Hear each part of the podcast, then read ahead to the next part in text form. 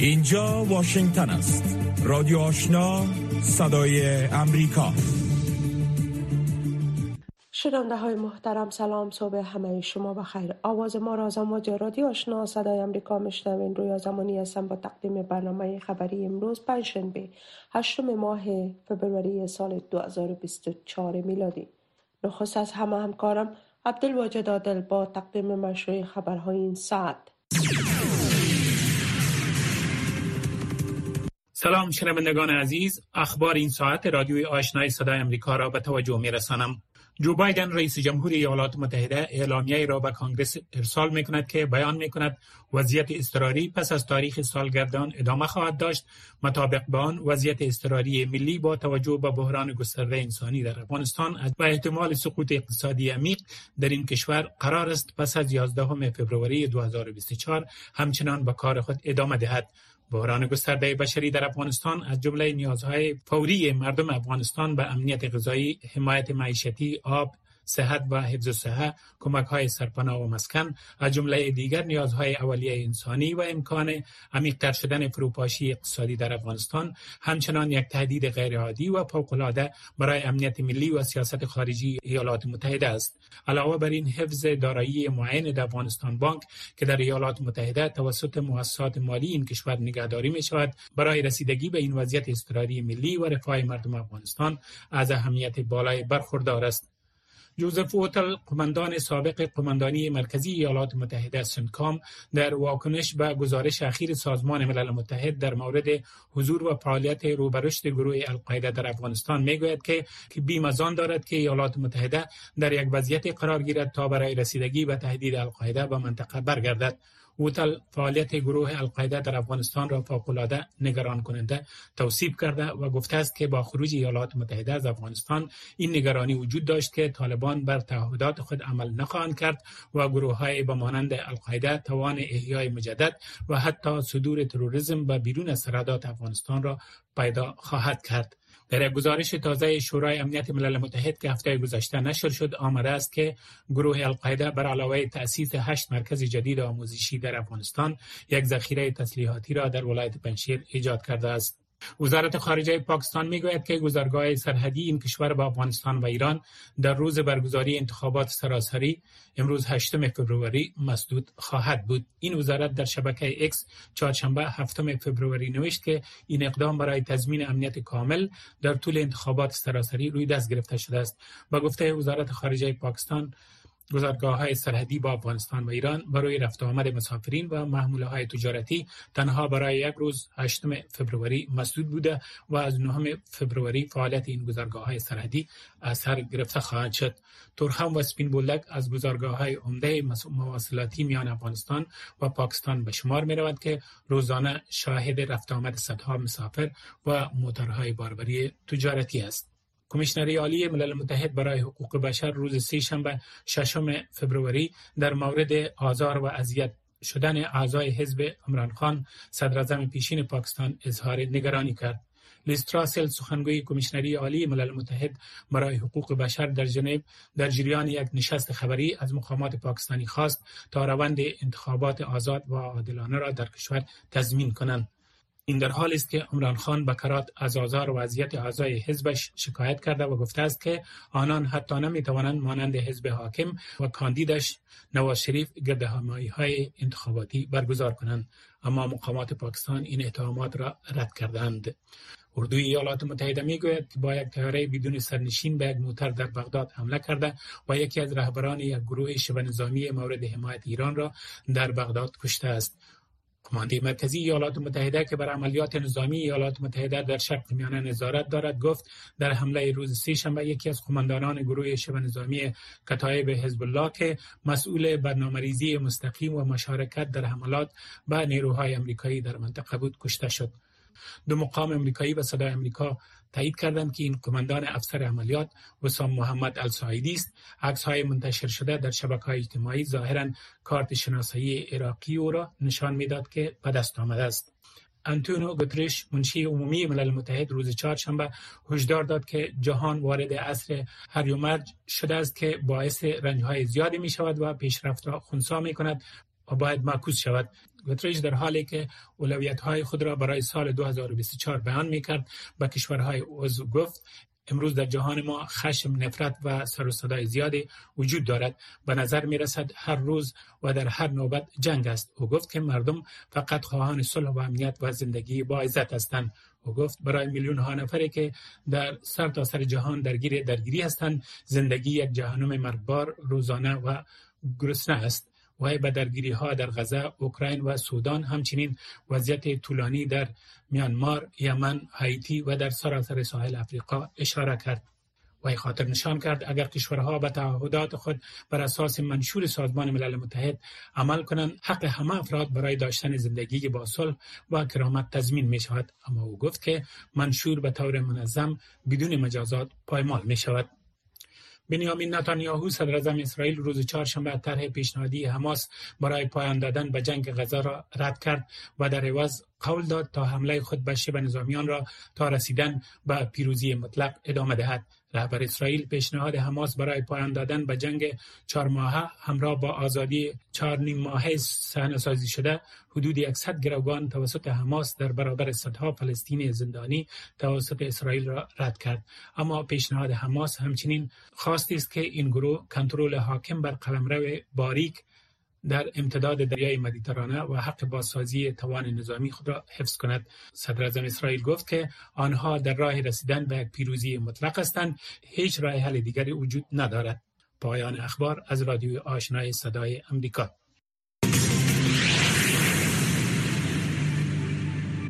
شنونده های محترم شما مشروع خبرها را شنیدید و تشکر از اینکه شنونده برنامه های صبحگاهی رادیو آشنا صدای امریکا هستند در بخش گزارش ها در آستانه برگزاری نشست دوحه درباره افغانستان و میزبانی ملل متحد شمار از زنان معترض و دخترانی که در بند طالبان بودند با نشر اعلامیه می‌گویند که طالبان باید محاکمه شوند نه اینکه با آنها مذاکره صورت گیرد. جزئیات بیشتر را طی گزارش تقدیم شما می‌کنیم. شمار از زنان معترض و دخترانی که مدت را در بند طالبان به سر برده اند روز چهارشنبه گفتند که فقط به زبان مبارزه به مساف طالبان خواهند رفت. نه زبان مذاکره. به گفته آنان زنان به عنوان قربانی آپارتاید سیستماتیک طالبان این گروه را سزاوار محاکمت در محاکم تطبیق کننده عدالت جهانی می دانند. یکی از این معترضان که نخواست نامش فاش شود با اشاره به نشست آتی دوها گفت اصرار هر گونه حضور در این نشست یا هم عادی سازی روابط با طالبان را محکوم می کنیم و خطاب به همرازمان خود می گوییم هوشیار باشید که مذاکره با طالب وارد مطالبات و مبارزات سیاسی ما نشود. مبارزات زنان معترض با زبان مبارزه با طالبان رویارو بوده و خواهد بود نه با زبان مذاکره. آنان مدعی شدند که تلاش های برای کشاندن برخ زنان معترض به نشست دوحه به نمایندگی از زنان افغانستان در جریان است. آنان تاکید می کنند که هیچ کس نمی تواند برای دادن مشروعیت به طالبان از زنان افغانستان نمایندگی کند. این زنان معترض معتقدند که حضور افراد به عنوان نمایندگان زن معترض مبارزه زنان افغانستان را علیه طالبان به بیراه میکشاند چون به گفته آنان نتیجه 14 بار مذاکره و گفتگو با طالبان به مردم افغانستان روشن است. فریزه اکبری دیگر زن معترض. من به عنوان یک زن معترض افغانستانی شدیدا مخالف این نشست ها هستم و معتقد به این هستم که زنان محترز افغانستان هیچ گونه مذاکره و گفتگو بحث با طالبان نداره و هیچ گونه مذاکره ای را با طالبان نمیپذیره و نخواهد پذیرفت. قرار است که سازمان ملل متحد به تاریخ 18 و 19 فبروری نشست را با حضور نمایندگان ویژه کشورها برای افغانستان های بین المللی زنان افغانستان و نهادهای مدنی در دوحه پایتخت قطر میزبانی کند. ملل متحد هدف این نشست را بحث در مورد چگونگی رویکرد افزایش مشارکت بین المللی با شیوه منسجم هماهنگ و ساختار یافته از جمله از طریق در نظر گرفتن توصیه های ارزیابی مستقل در مورد افغانستان خوانده است.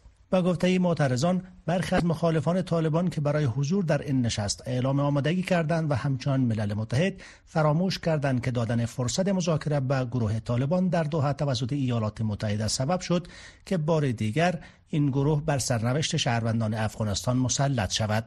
فاطمه اعتمادی دیگر زن معترض. بر من خیلی سوال است که با کدام پیش مقدمه جامعه جهانی و سازمان های حامی حقوق بشر خواهان همچون نشست با همچون گروهی شده است. در حالی که 20 سال گذشته را ما کنار بگذاریم در طول دو سال گروهی که در افغانستان حاکم شده از هیچ گونه نقص حقوق بشری بر مردم افغانستان یا از مردم افغانستان دریغ نکرده است. پیش از این جنبش های اعتراضی زنان و مدافعان حقوق زنان افغانستان در نامه سرگشاده عنوانی سازمان ملل متحد خواستار برخورد مسئولانه با مسئله افغانستان شدند. با باور این جریان های اعتراضی زنان اگر در این زمینه سازمان های بین المللی بیتوجهی کنند نه تنها نتایج نشست برای مردم افغانستان قابل قبول نیست و ناکارا خواهد بود بلکه منجر به وخامت اوضاع حقوق بشری و حقوق زنان خواهد شد. همچنان چتر اتحاد ملی زنان افغانستان که متشکل از فعالان حقوق زن است از اعضای سازمان ملل متحد خواسته اند که تحریم ها و فشارها بر طالبان را شدیدتر کنند تا این گروه در انزوا قرار گیرد. نشست 18 و 19 فبروری دومین نشست ملل متحد در امور افغانستان است که در دوحه پایتخت قطر برگزار می شود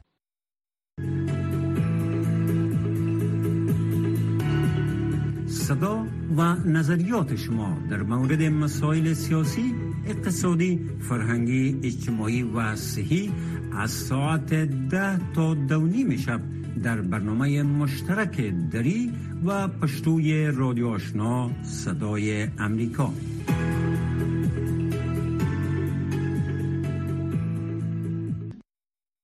هدربار مسئول بخش حقوق بشر و حقوق زنان در دیدبان حقوق بشر می‌گوید که طالبان بیشتر از دو سال گذشته پس از به دست آوردن مجدد قدرت در افغانستان جدیدترین بحران حقوق زنان در جهان را ایجاد کردند. در همین حال برخی زنان معترض در افغانستان از سازمان ملل متحد و جامعه جهانی تقاضا کردند که نشست پیشروی در دوحه روی کنار زدن حکومت طالبان و ایجاد یک نظام مبتنی بر آرای مردم در افغانستان تمرکز داشته باشند.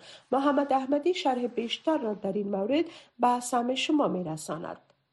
طالبان و واکنش جهانی به حقوق زنان. عنوان مقاله است که هیدربار مسئول بخش حقوق بشر و حقوق زنان در دیدبان حقوق بشر در ژورنال دانشگاه جورج تاون آمریکا آن را سه شنبه نشر کرد و در آن به آنچه آپارتاید جنسیتی در افغانستان تحت حاکمیت طالبان خوانده و تشریح وضعیت زنان افغانستان پرداخته است. او سپس پیشنهاداتی را جهت بهبود حقوق زنان افغانستان مطرح کرده است. خانم بار گفته است که اگر دولت ها و سازمان های بین المللی در برابر اقدامات طالبان ضعیف اقدام کنند میزان حقوق زنان در جهان در سطح پایینتری سقوط خواهد کرد. او به صدای آمریکا گفت که وضعیت افغانستان جدیترین بحران حقوق زنان در جهان است. هیچ جای دیگر مثل افغانستان نیست. در هیچ جای دختران از آموزش منع نشدهاند. زنان از دانشگاه منع نشدهاند. زنان از کار منع نشدهاند. ممنوعیت گسترده بر تردد زنان است و سرکوبی جاری زنان در حال عمیق شدن است. متاسفانه افغانستان به تنهایی در این وضعیت قرار دارد. اما این به آن معنی نیست که این وضعیت تنها مشکل برای افغان ها است. متاسفانه گروه های دیگر در سایر کشورهای جهان هستند که برخورد محرومیت جنسی را الگو قرار دادند و آن گروه ها حالا از این ظاهرا موفقیت طالبان خیلی الهام گرفتند. خانم بار در مقالش نوشته است که جنگ اوکراین و گسترش جنگ در شرق میانه توجه به بحران افغانستان را کمرنگ ساخته است. با این حال شبکه مشارکت سیاسی زنان افغانستان امروز با نشر اعلامیه‌ای در پیوند به اجندای دوم نشست ملل متحد در مورد افغانستان در دوحه گفته است که باید نتیجه این گونه نشست ها ساقط کردن حکومت طالبان و بدیلی برای آن باشد. خواست ما زنان افغانستان از سازمان ملل متحد و جامعه جهانی و کشورها در موضوع افغانستان این است که نتیجه و هدف این اجلاس باید این باشد که نظام طالبانی از بین برداشته شود و یک نظام دموکراتیک و جمهوریت همشمول که با آرای مردم انتخاب شود در افغانستان پایگذاری گردد تا زنان و دختران بتوانند به آزادی و تساوی کامل دست یابند. نشست با یک گروه توریستی در واقع هویت بخشیدن بر این گروه است. با تأسف فراوان که نهادهای حامی حقوق بشر و سازمانهایی که مدافع حقوق زن قلمداد می‌کنند خود را آنها هم خواهان حضور در این نشست شدند. ما از فیصله های مافیایی خسته شدیم. ما از نظام ها سیاست ها و سیستم های انحصاری خسته شدیم. بر ما طرح نو سیاست نو و زندگی نو لازم است. ما دیگه نمی‌خواهیم قربانی سیاست های مافیایی شویم. از سوی دیگر فریدون سنرلی اغلو همان کننده ویژه و بازرس مستقل ملل متحد در امور افغانستان با امیرخان متقی سرپرست وزارت خارجه حکومت طالبان در مورد نشست آتی در دوحه گفتگو کرده و خواستار اشتراک هیئت طالبان در این نشست شده است. با این حال معاونت سیاسی ریاست الوزرای حکومت طالبان به نقل از سنرلی اغلو گفته است که نشست آینده دوحه فیصله های خوبی در خصوص افغانستان خواهد داشت که منجر به تغییرات مثبت در روابط افغانستان با جهان خواهد شد. روکو راست صحبت های داغ صاحب نظران در مورد خبرها و مسائل روز هر شام از ساعت 8 تا 9 شب در برنامه مشترک دری و پشتوی رادیو آشنا صدای امریکا. بخش زنده این برنامه را در نشرات ماهواره صدای امریکا نیز دنبال کرده می توانید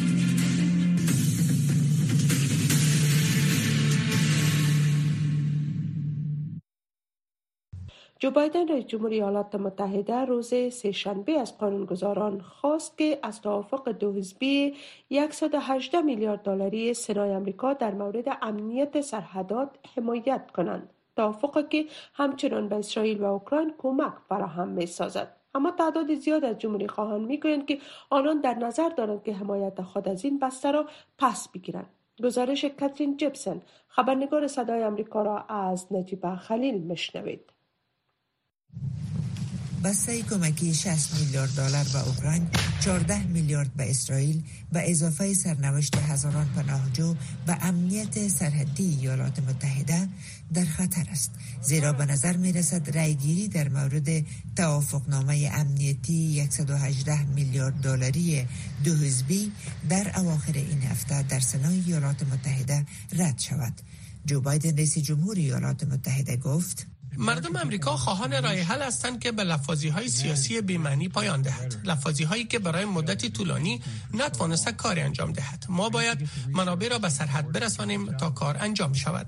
پس از آن که جمهوری خواهان سنا در بدل رأی خود برای تصویب کمک به اوکراین خواستار تغییرات در سیستم مهاجرتی ایالات متحده شدند بایدن لایحه را مطرح کرد که مذاکرات روی آن در مجلس سنای ایالات متحده برای مدت چهار ماه طول کشید. تعداد زیادی از جمهوری خواهان سنا می‌گویند که از جر و بحث روی لایحه کنار زده شدند و این لایحه نگرانی های آنها در مورد امنیت سرحدات را مرفوع نمی انتظار به پایان رسید. بینندگان و شنوندگان عزیز بعد از این می توانید برنامه های صدای امریکا را از طریق شبکه ماهواره جدید ببینید و بشنوید. برنامه های تلویزیون آشنا سی دقیقه کاروان و برنامه های رادیو آشنا را می توانید در چنل 469 شبکه ماهواره یاست دنبال کنید.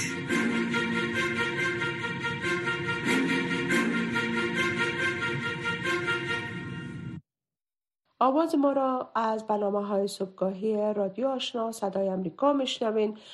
جنرال جوزف وتل فرمانده پیشین فرماندهی مرکزی ایالات متحده یا سنتکام در واکنش به گزارش اخیر سازمان ملل متحد پیرامون حضور و فعالیت رو گروه القاعده در افغانستان می‌گوید که بیم از آن دارد که ایالات متحده در وضعیت قرار خواهد گرفت تا برای رسیدگی به تهدید این گروه دوباره به منطقه برگردد. جنرال بتل در یک مصاحبه با همکارم سعید عزیز الرحمن گفته است که تجربه در عراق نشان داده است که که در صورت نبود فشار بر گروه های افراطی این گروه ها بدتر از بار اول خود رشد می کنند. جنرال بتل همچنان فعالیت تحریک طالبان پاکستان را یک تهدید قابل ملاحظه برای پاکستان خوانده است. توجه شما را به شرح این مصاحبه جلب می کنیم. تهدید القاعده را برای منطقه و برای ایالات متحده شما تا چه حد جدی تلقی می‌کنید؟ سازمان ملل متحد در یک گزارش تازه خود گفته است که القاعده در افغانستان هشت مرکز آموزشی و همچنان یک دیپوی صلاح را ایجاد کرده است. تهدید القاعده را برای منطقه و برای ایالات متحده شما تا چه حد جدی تلقی می‌کنین فکر می کنم فوق العاده نگران کننده است و فکر می کنم این چیزی است که پس از خروج ما از افغانستان در مورد او نگران بودیم. یعنی که طالبان مطابق به تعهدات خود عمل نخواد کردند تا به القاعده اجازه ندهند که در افغانستان دوباره جای پیدا کنند و ای که سازمان های به مانند القاعده توان احیای مجدد پیدا خود کردند. بعد در یک موقف قرار خود گرفتند که تروریسم نه تنها در سراسر افغانستان و به سراسر منطقه بلکه به سر جان صادر کنند. بنان در این مورد بسیار نگران هستم و حراس دارم که در نهایت ما در وضعیت قرار خود گرفتیم که برای رسیدگی به القاعده و تا حد به طالبان دوباره برگردیم. زیرا اونا تنها با انجام عملات و یا تعمیل ایدئولوژی خود در افغانستان یا منطقه قناعت نخواد کردن این گروه ها خواستار گسترش او خود بود. بنان فکر می‌کنم که این یک نگرانی قابل ملاحظه است. به نظر می رسد که ایالات متحده و سازمان ملل متحد در مورد القاعده نظر واحد نداره چرا که قصر سفید به تازگی به صدای امریکا ای را گفته است که القاعده در افغانستان و دیگر جاها با یک سازمان به شدت محدود شده مبدل شده است با باور شما دلیل ای اختلاف نظر چی است؟ بخشو می‌تونه این حقیقت باشه که تیم نظارتی ملل متحد دقیق نمیفهم که در کجا هستند ولی ممکن نسبت به ما نظارت نزدیکتر داشته باشند. همه توانمندی های ما از افغانستان بیرون ساخته شدن بنان برای ما مشکل است تا دقیقا بفهمیم که چه چیزی در جریان است. همین دلیل می‌تونه منجر به بعضی از برداشت های نادرست میان دو طرف یعنی ملل متحد و ایالات متحده شود هیچ شک وجود نداره که در زمان حضور ایالات متحده در افغانستان القاعده شدیدا سرکوب شده بود و این سازمان به گونه گسترده از بین رفته بود مختل ساخته شده بود و تا حد قابل ملاحظه محدود شده بود. ولی به اساس تجربه اخیر ما در عراق اگر فشار بر این سازمان ها ادامه پیدا نکنه اونا دوباره رشد می‌کنن و زمانی که دوباره برمیگردن بدتر از دفعه اول می باشن فکر می‌کنم بیم بزرگی که ما و دیگرانی که با القاعده در افغانستان و دیگر نقاط منطقه مبارزه کردن همیست که اگر این گروه ها تحت فشار قرار نداشته باشند دوباره برمیگردن و بدتر می باشند بر اساس گزارش سازمان ملل متحد گروه های افراطی با شمول تحریک طالبان پاکستان در افغانستان حضور دارند و فعال هستند پس از دو نیم سال حکومت طالبان شما این گروه ها را چگونه ارزیابی می‌کنید؟ من یک نظارت نزدیک از این وضعیت دوست دارم که داشته باشم ولی ندارم. ولی متاسفانه افغانستان و پاکستان همواره یک نوع بستری برای سازمان ها بوده تا رشد کنند و توانایی های خود رشد بدن. ما اکثرا در مورد سازمان های مشهور مثل القاعده شبکه حقانی تی تی پی و طالبان در زمان حضور ما صحبت می کنیم ولی ده ها سازمان دیگر که بعضشان کوچکتر هستند در منطقه وجود دارند. در نبود حکومت و نبود امنیت اونا می که منافع خود دنبال کنند و دستاوردهای داشته باشند. بنابراین ما پیرامون منطقه در کل نگران هستم. من همیشه برای مردم منطقه بسیار امیدوار بودم که شایسته داشتن امنیت و ثبات هستند. ولی با تاسف نبود حکومتداری نبود امنیت نبود فشار بر سازمان ها زمینه را برای رشدشان مساعد می سازد و ممکن حتی برخی از فعالیت های تروریستی خود به بیرون از منطقه صادر کنند. پاکستان همواره طالبان افغان را به حمایت از تی تی پی یا تحریک طالبان پاکستان متهم می‌کنه. با باور شما تهدید تی تی پی برای پاکستان تا چه حد جدی است؟ خب فکر می کنم تی تی پی برای سالها یک تهدید قابل ملاحظه برای پاکستان بوده. بدون شک که پاکستان با برخی از آزمون ها روبرو با خصوص در مناطق قبایلی که با مرز افغانستان نزدیک است. فعالیت و حکومت داری در این منطقه همیشه بسیار دشوار بوده. در همین مناطق است که تی تی پی می استخدام کنه و از قدرت خود در برابر پاکستان استفاده کنه. پاکستان با حکومت خود با برخی از آزمون ها روبروز اگرچه بسیاری حکومت ها با آزمون ها روبرو هستند ولی یقینا که پاکستان در حکومتداری خود با آزمون های زیاد روبروست در چنین حالت سازمان های به مانند تی تی پی می توانند رشد کنند تا حکومت هایی را که با مشکلات داخلی دچار هستند با تهدید مواجه بسازند. بنابراین فکر می کنم که این کار نشان می که وضعیت برای پاکستان خوب نیست. برای پاکستان مهم است تا با تر باشد و با خطر برخی از سازمان ها و مانند پی روبرو نباشد در آخرین گزارش این بخش برنامه. انتونی بلینکن وزیر خارجه ایالات متحده در ادامه سفرش به شرق میانه پس از ملاقات با رهبران مصر و قطر وارد تلبی پایتخت اسرائیل شده است. قرار است با صدر اسرائیل و شمار از اعضای کابینه اسرائیل در مورد پیشنهاد تازه آتش بس دراز مدت در بدل آزادسازی های اسرائیل از قید حماس ملاقات کنند. شرح بیشتر این موضوع و موضوعات مرتبط به شرق میانه را از ژیلا نوری مشنوید انتونی بلنکن وزیر خارجه ایالات متحده پس از یک روز پرمشغله دیپلماسی در شرق میانه در کنفرانس خبری در قطر از پیشرفت تازه سخن گفت. So, یک جا با قطر و مصر ما آنچه پیشکش کردیم یک پیشنهاد جدی است که هدف آن نه تنها تکرار توافقات قبلی بوده بلکه افزایش آن است. قسمی که صدر قطر هم اکنون گفتند حماس به این پیشنهاد پاسخ داده است. ما این پاسخ حماس را بررسی می‌کنیم و آن را با مقامات اسرائیلی در میان می‌گذاریم. وزیر خارجه ایالات متحده گفت برای رسیدن به یک توافق هنوز کار زیادی باقی مانده است. اما گفت که او به این باور است که یک توافق ممکن و بسیار ضروری است. صدر قطر در این کنفرانس گفت پاسخ کلی را که از حماس دریافت کرده است مثبت است. این در حال است که در قصر سفید رئیس جمهور بایدن با ایتیات بیشتر صحبت می‌کرد و گفت تا حد در وضعیت گروگان های اسرائیلی پیشرفت وارد شده یک پاسخ از حماس دریافت شده اما به نظر می رسد که یک کمی بیش از اندازه است. ما هنوز مطمئن نیستیم که در چه حدی است مذاکرات همکنون ادامه دارد. هیچ یک از جزئیات معاملات تا کنون افشا نشده است. قطر با ایالات متحده و مصر برای رسیدن به یک توافق کار می‌کنند تا در جنگ وقفه طولانی ایجاد شود و بیشتر از 100 گروگان اسرائیلی از قید حماس آزاد شوند. حماس در حملات هفته اکتبر حدود 1200 اسرائیلی را کشت و باعث آغاز جنگ شد. و اساس گزارش وزارت صحت عامه غزه که از سوی حماس اداره می شود حملات اسرائیلی به غزه تا کنون بیش از 27 هزار قربانی گرفته است. بلینکن پس از ملاقات با رهبران مصر در قاهره به دوحه سفر کرد. این آغاز پنجمین سفر او به شرق میانه است که آن را از عربستان سعودی آغاز نمود.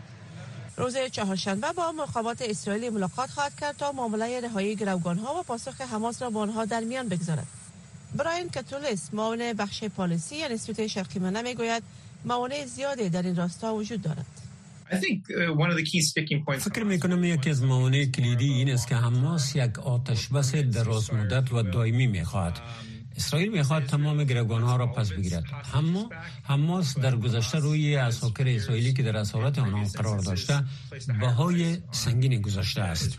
روز دوشنبه وزیر دفاع اسرائیل هشدار داد که نیروهای زمینی اسرائیل به صوب شهر رفح در جنوب باریکه غزه جایی که پناهگاه کسان است که از شمال از جنگ متواری شدند پیش خواهند رفت. یووف گلند وزیر دفاع اسرائیل گفت آن دسته از اعضای حماس که در رفح پنهان شدند با جز تسلیمی یا کشته شدن گزینه دیگری ندارند. هفت روز هفته با رادیو آشنا صدای امریکا. شنونده های محترم این بود داشته های بخش برنامه که تقدیم شما شد. برنامه های رادیو آشنا صدای امریکا همچنان ادامه دارد. bom Mogoschen.